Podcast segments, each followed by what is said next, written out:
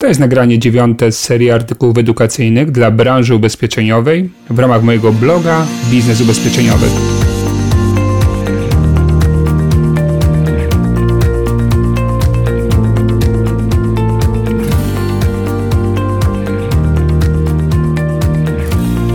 Celem moich artykułów jest wsparcie Twojego rozwoju zawodowego i pomoc w zwiększeniu dochodów w ramach sprzedaży lub zarządzania sprzedażą ubezpieczeń dziś e, chciałbym zająć się tematem związanym z rozszerzaniem sprzedaży w multiagencji, chociaż e, również wiele porad, które pojawią się w dzisiejszym artykule, dotyczy pojedynczych agentów czy tak zwanych agentów wyłącznych. Od wielu lat nurtuje mnie to, jak osiągnąć maksymalną wydajność w wykorzystaniu bazy klientów, którą się posiada, i oczywiście życie wskazuje, że w wielu miejscach ten element jest zaniedbany. Może nie ze względu na złą wolę czy niewiedzę, ale zazwyczaj ze względu na brak poukładania procesów i e, brak czasu tak naprawdę na to, żeby usiąść, pomyśleć, zastanowić się, mając swoją bazę klientów, mając swoją wiedzę, mając swoich pracowników, pewne standardy, co jeszcze mogę zrobić, żeby zwiększyć swoje dochody. Także dzisiaj będzie bardzo dużo porad y, wynikających z wielu lat moich doświadczeń z pracą własną w sprzedaży, ale również z pomaganiem pośrednikom, multiagentom. Y, mam nadzieję, że wszystkie osoby, które zajmują się sprzedażą ubezpieczeń, skorzystają z tych porad, no i dzięki temu już w najbliższych miesiącach zauważą wzrost sprzedaży. Co możesz zrobić, aby Twoja multiagencja rosła w siłę i zwiększała zyski? Co możesz zrobić, aby wyniki sprzedażowe Twojej firmy poszybowały nie ze względu na podniesienie stawek OC, ale ze względu na profesjonalny rozwój sprzedaży? Możesz wiele, ale wdrażanie nowych procesów komunikacji z klientem i wykorzystanie wszystkich szans sprzedażowych nie jest łatwe. Dlatego w tym artykule przekażę Ci mnóstwo wskazówek, które pomogą Ci jeszcze lepiej rozwijać Twój biznes sprzedażowy. Zanim zaczniesz lekturę artykułu, zachęcam Cię do przejścia testu, który sprawdzi poziom profesjonalizmu Twojej multiagencji w kontekście działań sprzedażowych. Wystarczy, że zaznaczysz odpowiedzi klikniesz przycisk wynik, a dowiesz się, do jakiej kategorii przynależy Twoja firma. Nie od dziś mówi się, że największy koszt sprzedaży to koszt pozyskania nowego klienta. Albo trzeba wydać ogromne pieniądze na marketing, albo zapłacić sowicie sprzedawcy za znalezienie i przekazanie klienta do zakupu. Dlatego w wielu firmach dba się o to, aby raz pozyskany klient został klientem na zawsze. Jednak e, w tym wszystkim jest jeszcze jeden element, który może wpłynąć na zwiększenie sprzedaży. Jest to tak zwany potencjał zakupowy klienta. W przypadku ubezpieczeń jest to suma potrzeb ubezpieczeniowych klienta liczona łączną składką, jaką klient wydaje lub powinien wydawać na swoje ubezpieczenia. Pisząc swoje, mam na myśli nie tylko klienta indywidualnego, ale i również klienta firmowego. Niestety w większości miejsc w naszej branży poziom wykorzystania potencjału klienta jest relatywnie niski w stosunku do jego możliwości zakupowych i potrzeb. Klient albo w ogóle nie korzysta z pewnych rozwiązań ubezpieczeniowych, które powinien posiadać, albo jego ubezpieczenia są rozproszone pomiędzy kilku pośredników. Dzieje się tak najczęściej nie z woli klienta, ale z braku profesjonalnego i skutecznego procesu X-sellingu w firmach.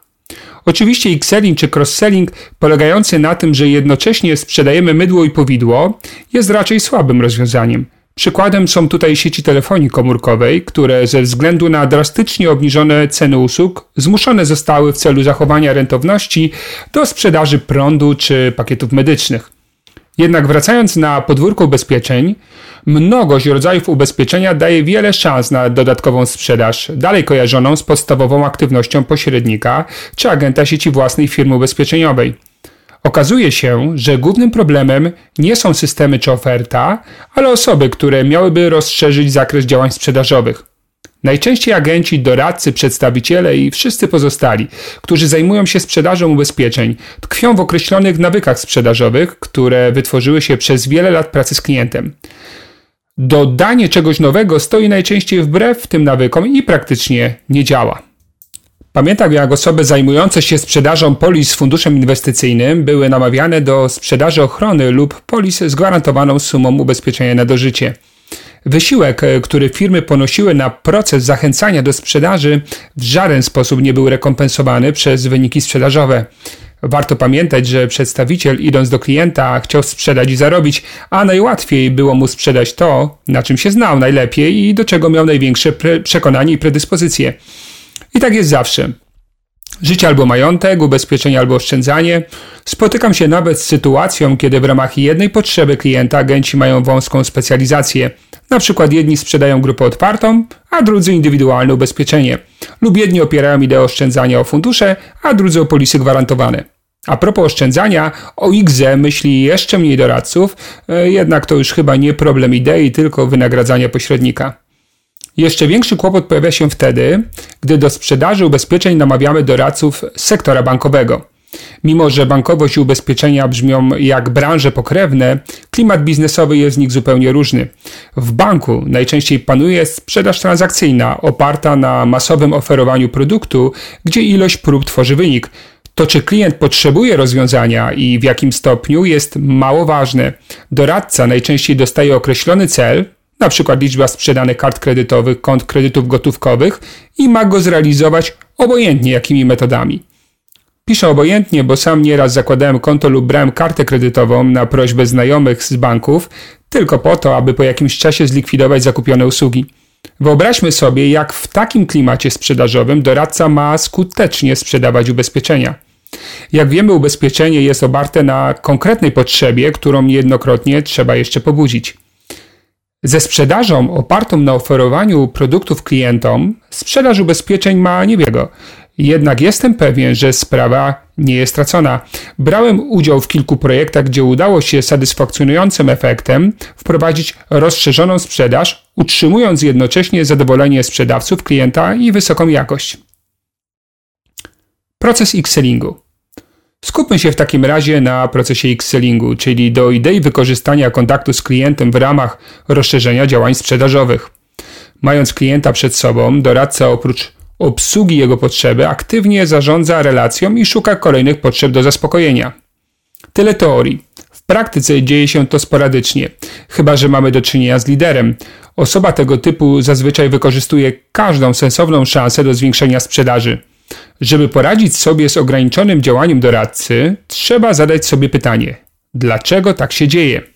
Czasami analiza powodów zaistniałej sytuacji może pomóc w zmianie działania. Według mnie są trzy powody hamujące działania doradcy. Pierwszy to strach przed nie klienta.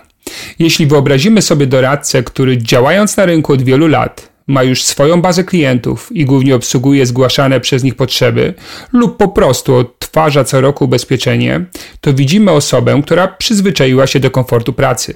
Bezpieczne relacje i działania bardziej obsługowe niż sprzedażowe nie narażają doradcy na negatywne emocje i obniżenie poczucia wartości.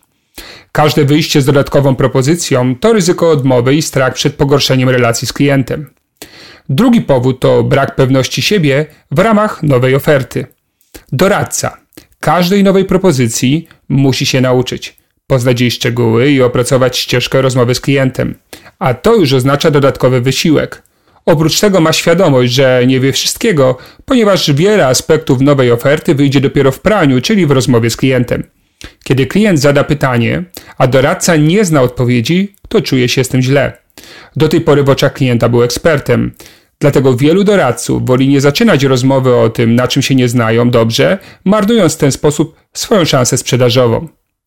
I trzeci powód to lenistwo mentalne. Mózg ma tendencję do minimalizacji wysiłku. Nie lubi się męczyć. Oprócz kilku osób, dla większości doradców czytanie warunków ogólnych nowego ubezpieczenia lub e, zagłębianie się w niuanse procedur jego wystawienia nie kojarzy się z przyjemnością. Jeśli więc nie muszą, to będą odkładali te czynności na później, które zazwyczaj nigdy nie nastąpi. Wiedząc już, z jakimi problemami się zderzamy w ramach rozszerzania sprzedaży, możemy zastanowić się teraz, jak sobie z nimi poradzić. Zacznijmy od najważniejszej rzeczy – Ludzie robią coś nowego z dwóch powodów. Albo czegoś pragną i w ten sposób to osiągną, albo się czegoś boją i w ten sposób tego unikną. Trzeciej drogi raczej nie ma.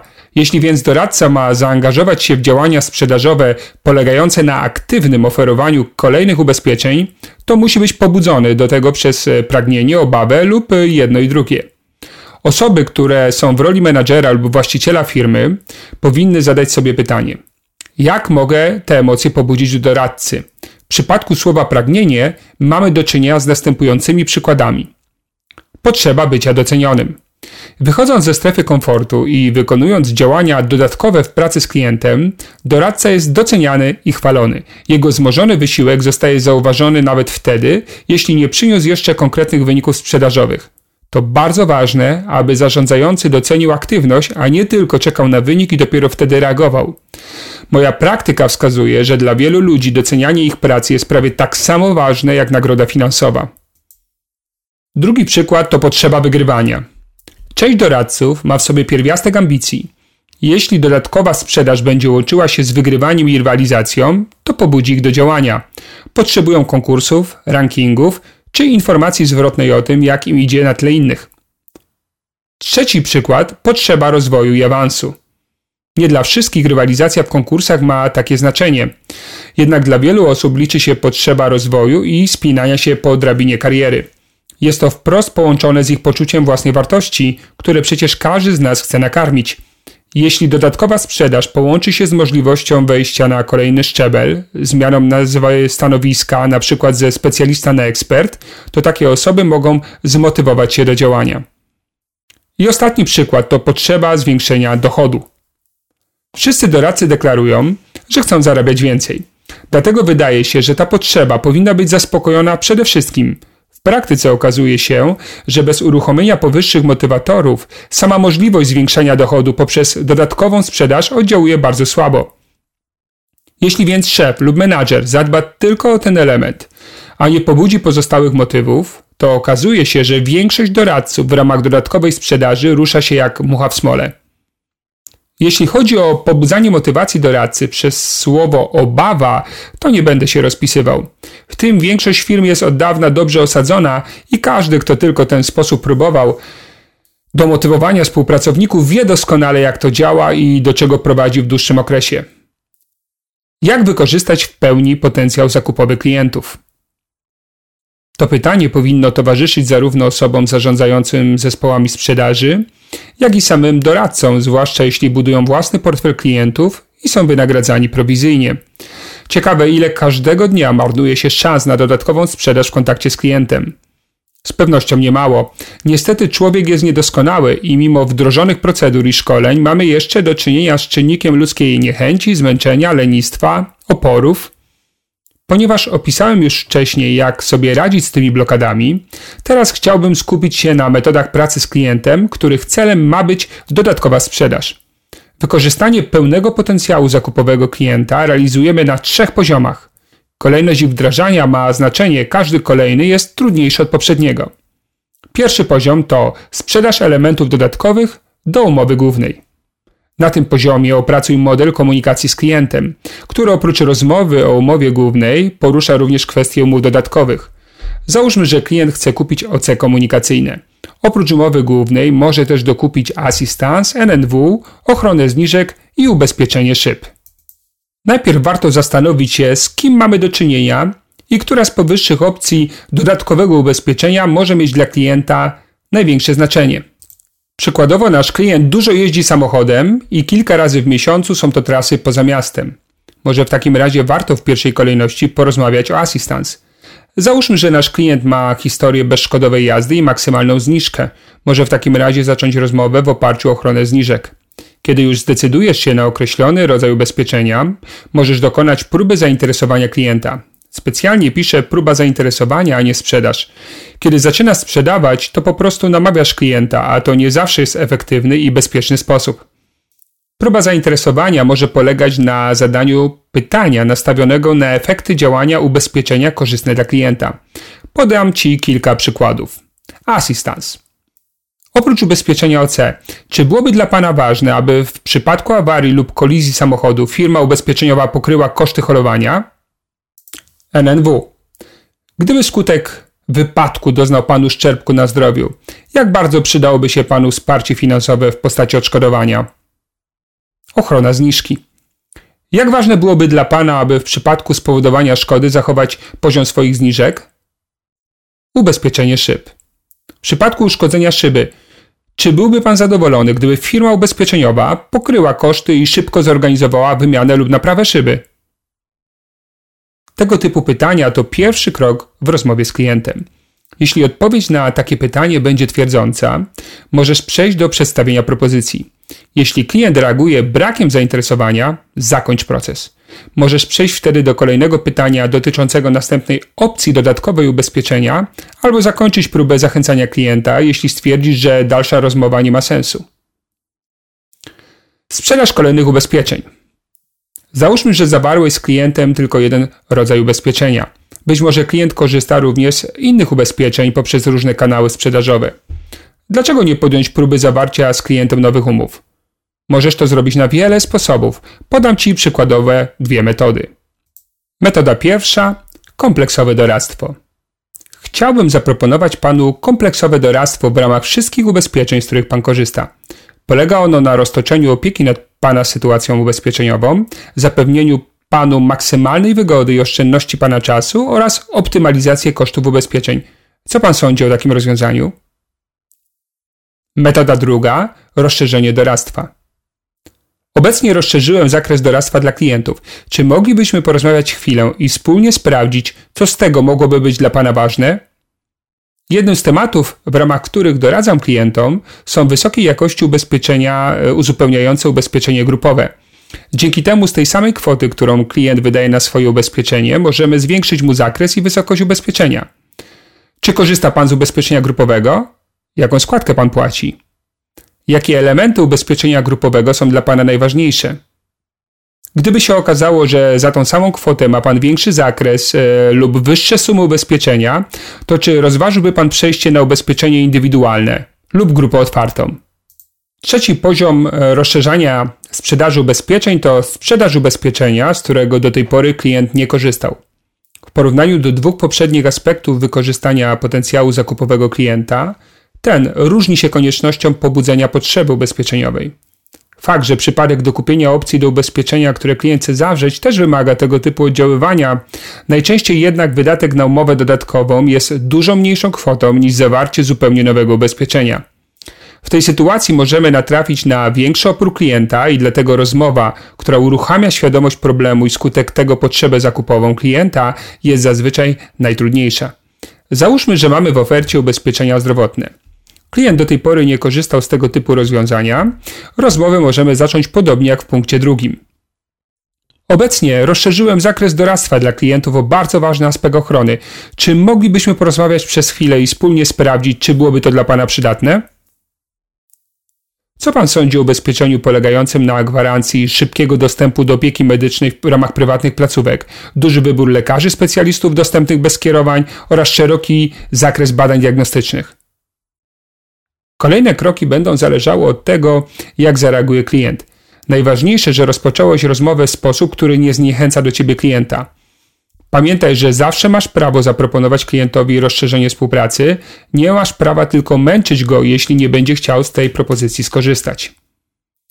Spróbujmy teraz wszystkie klocki ułożyć w jedną całość. Przedstawię Ci proces przygotowania firmy, siebie i współpracowników do profesjonalnego rozszerzenia sprzedaży. Proces składa się z siedmiu etapów. Etap pierwszy to wybór rodzajów ubezpieczeń lub umów dodatkowych, które będą aktywnie proponowane klientom. Etap drugi to dobór najlepszej oferty na rynku w ramach wybranych rodzajów ubezpieczeń. Etap trzeci to szkolenie produktowe dla szefa i współpracowników, regularnie powtarzane. Etap czwarty to opracowanie ścieżki sprzedaży. Kto, kiedy, jak.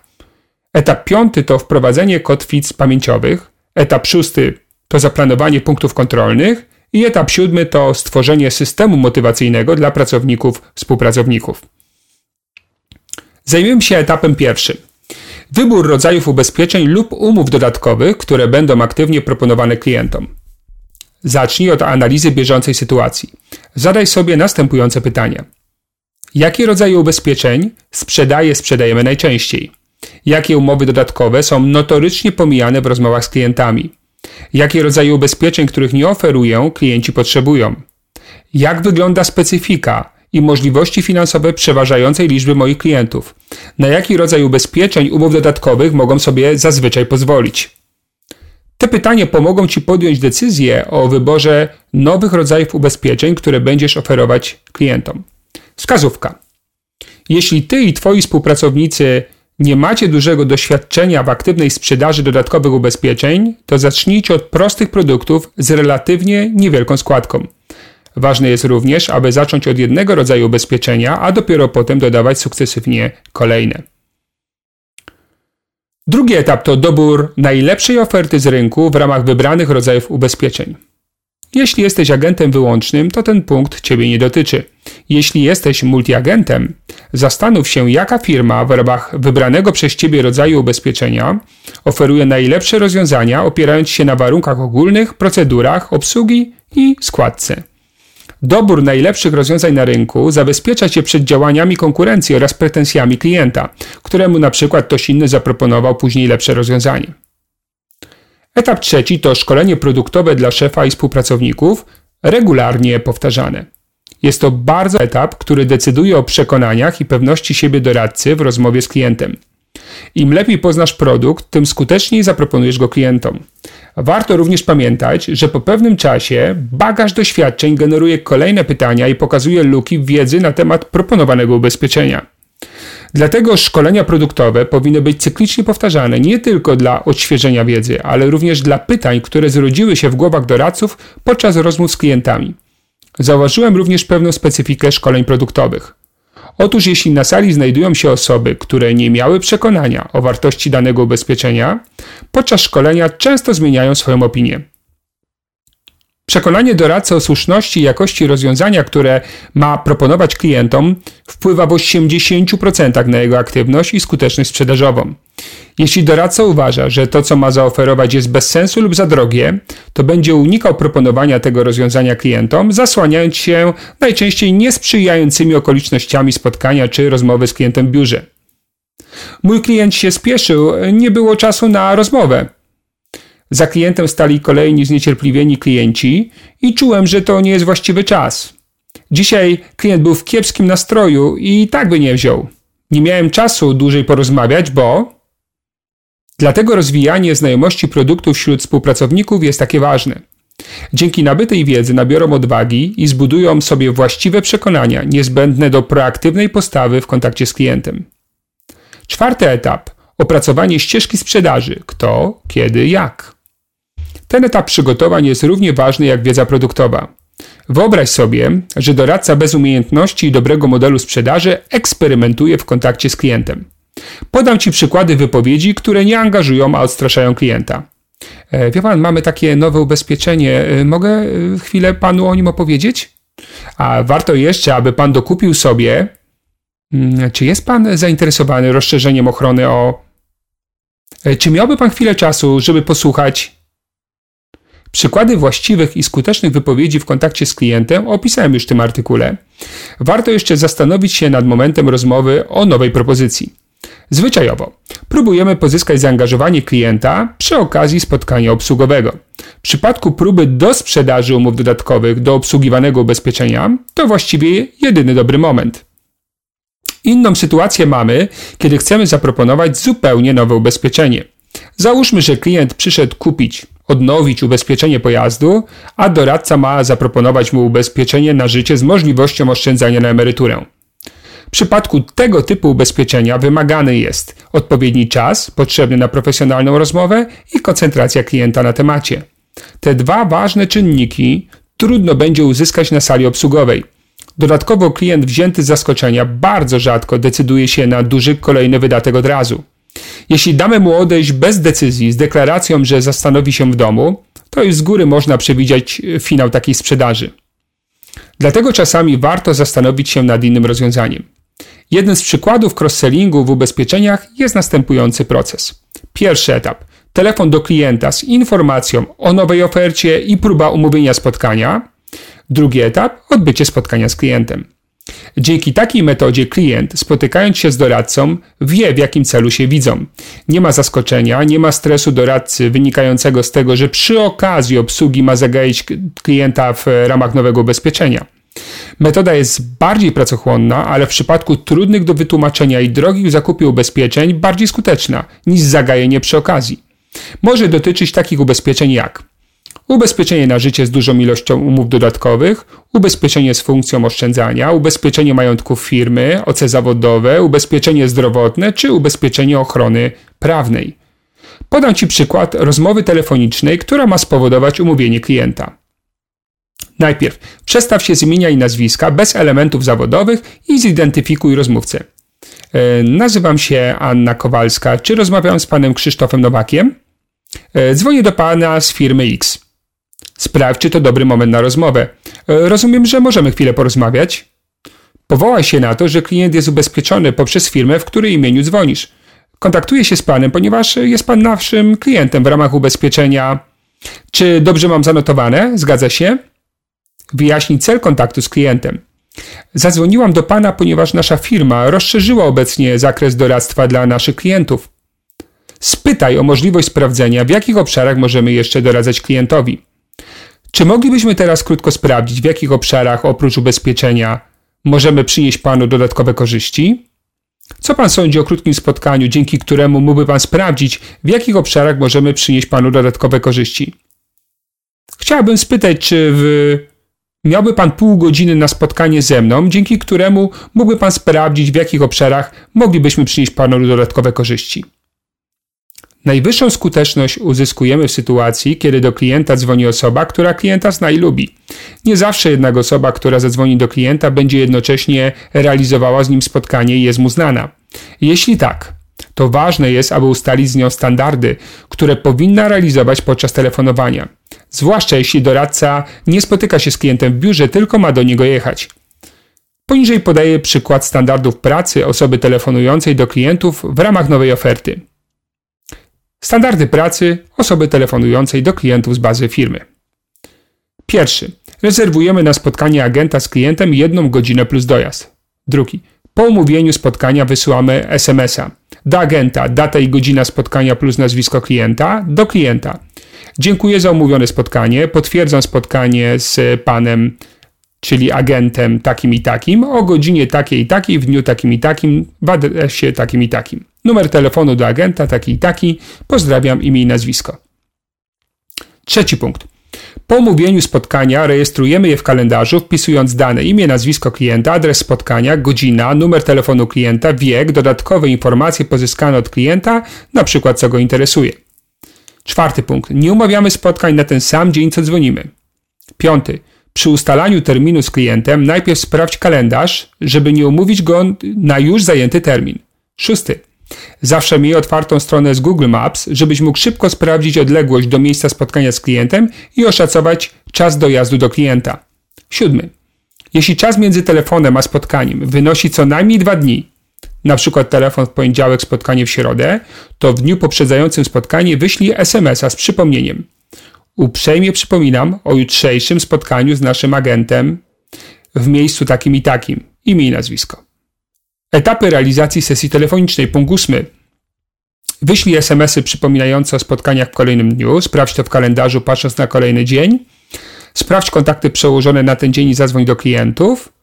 Zatelefonuj do nowych klientów z bazy. I dziewiąty punkt. Przy każdym kontakcie wykonujemy cztery próby połączenia z klientem. Po czterech próbach rezygnujemy z dalszych prób kontaktu danego dnia.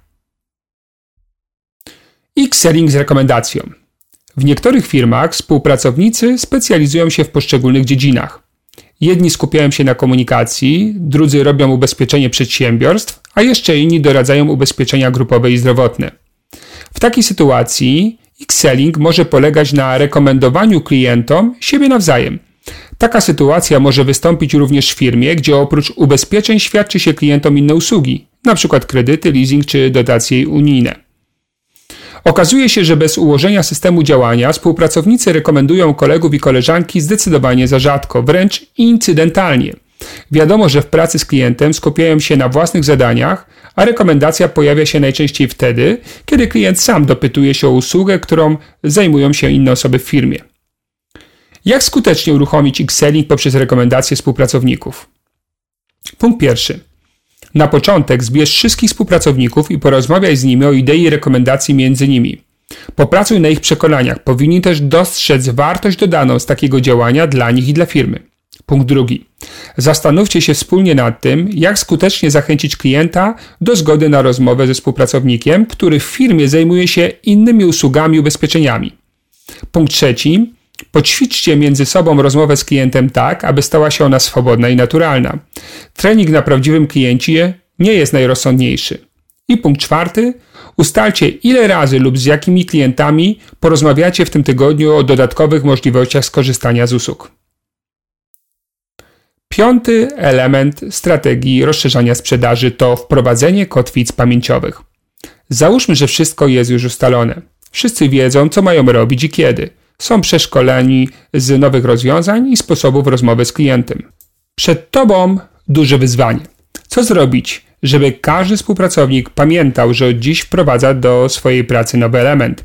Przecież naszym zachowaniem rządzą nawyki wypracowane przez lata pracy. Nie ma w nich miejsca na nowe. W takiej sytuacji pojawiają się następujące sytuacje. Spytałeś klienta? O rany, na śmierć zapomniałem. Tu z pomocą przychodzą nam kotwice pamięciowe. Jest to nowy element środowiska pracy, który w odpowiedniej chwili aktywuje nasz umysł i przypomina nam o tym, że teraz mamy zrobić coś nowego. Na przykład na dokumentach dotyczących odnawianego ubezpieczenia naklejamy różową kartkę z napisem Zapytaj o. Na przykład na biurku stawiamy wściekle żółtą figurkę żyrafy, czy na biurku leży kolorowa ulotka z opisem ubezpieczenia, które mamy oferować. Kotwice pamięciowe są bardzo ważnym elementem i ich pominięcie w wielu przypadkach spowoduje brak aktywności z powodu zwykłego zapomnienia. Szósty etap to zaplanowanie punktów kontrolnych. Przy wdrażaniu rozszerzania sprzedaży warto zaplanować tzw. Tak punkty kontrolne, zwłaszcza jeśli mamy współpracowników zaangażowanych w ten proces. Ustalasz, że w pierwszym miesiącu w każdy piątek organizujesz krótkie spotkanie, na którym podsumujesz wyniki nowych działań. Nawet jeśli pracujesz sam, powinieneś zaplanować daty w kalendarzu, w których przeanalizujesz efekty swojej pracy. Dzięki cyklicznym spotkaniom osiągniesz następujące cele. Pierwszy, wzmocnienie motywacji własnej współpracowników, zwłaszcza jeśli część grupy osiąga już konkretne wyniki w ramach nowej aktywności. Punkt drugi. Usprawnienie procesu wynikające z doświadczeń w ramach pracy z klientem. I trzeci cel to nowe pomysły wzmacniające efektywność projektu. Jakiś czas temu opiekowałem się małą grupką konsultantów telefonicznych. Dzwoniliśmy na zlecenie jednej z multiagencji do jej klientów i proponowaliśmy im spotkanie w ramach nowych rozwiązań związanych z ochroną życia i zdrowia. Na jednym z tych licznych spotkań jeden z konsultantów zauważył, że kiedy pyta, czy klient ma czas na chwilę rozmowy, często słyszy odpowiedź: Jestem teraz zajęty, proszę zadzwonić za. Potem dzwoni, klient nie odbiera i tak dalej.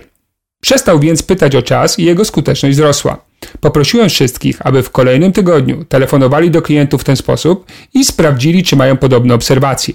Po tygodniu okazało się, że dzięki prostej zmianie ilość umówionych spotkań w stosunku do wykonywanych połączeń wzrosła o 22%. Gdyby nie nasze punkty kontrolne, nie wdrożylibyśmy tego pomysłu. Ostatni siódmy etap to stworzenie motywacyjnego systemu dla pracowników i współpracowników. O motywacji współpracowników czy pracowników pisałem już w tym artykule. Teraz czas na stworzenie konkretnego systemu wspierającego ich motywację do zmiany. Pamiętaj, że Twoje pomysły powinny krążyć wokół poniższych zagadnień. Potrzeba bycia docenianym, potrzeba wygrywania, potrzeba rozwoju i awansu i potrzeba zwiększania dochodu. Twoim zadaniem jako szefa jest stworzenie takiego systemu motywacyjnego, który dotyczy jak największej ilości powyższych czynników. Możesz dawać nagrody najlepszym, możesz robić konkursy i organizować wyzwania, możesz powiązać efekty w ramach dodatkowej sprzedaży z awansem, możesz również wynagradzać premią dodatkowy wysiłek. Nie zaniedbuj tego elementu. Jest on bardzo ważny, ponieważ większość osób potrzebuje nagrody za dodatkowe działanie. Skoro jesteś w tym miejscu artykułu, oznacza to, że temat rozwijania sprzedaży jest dla Ciebie ważny. Chcę Ci powiedzieć, że nie napisałem tego poradnika tylko po to, aby został przeczytany. Liczę na to, że usiądziesz teraz nad kartką papieru i zaczniesz zastanawiać się nad tym, jak w ramach Twojej rzeczywistości biznesowej wdrożyć dodatkowe działania sprzedażowe. Zapisz swoje pomysły, ustal plan działania i do pracy. Rynek czeka, a konkurencja nie śpi.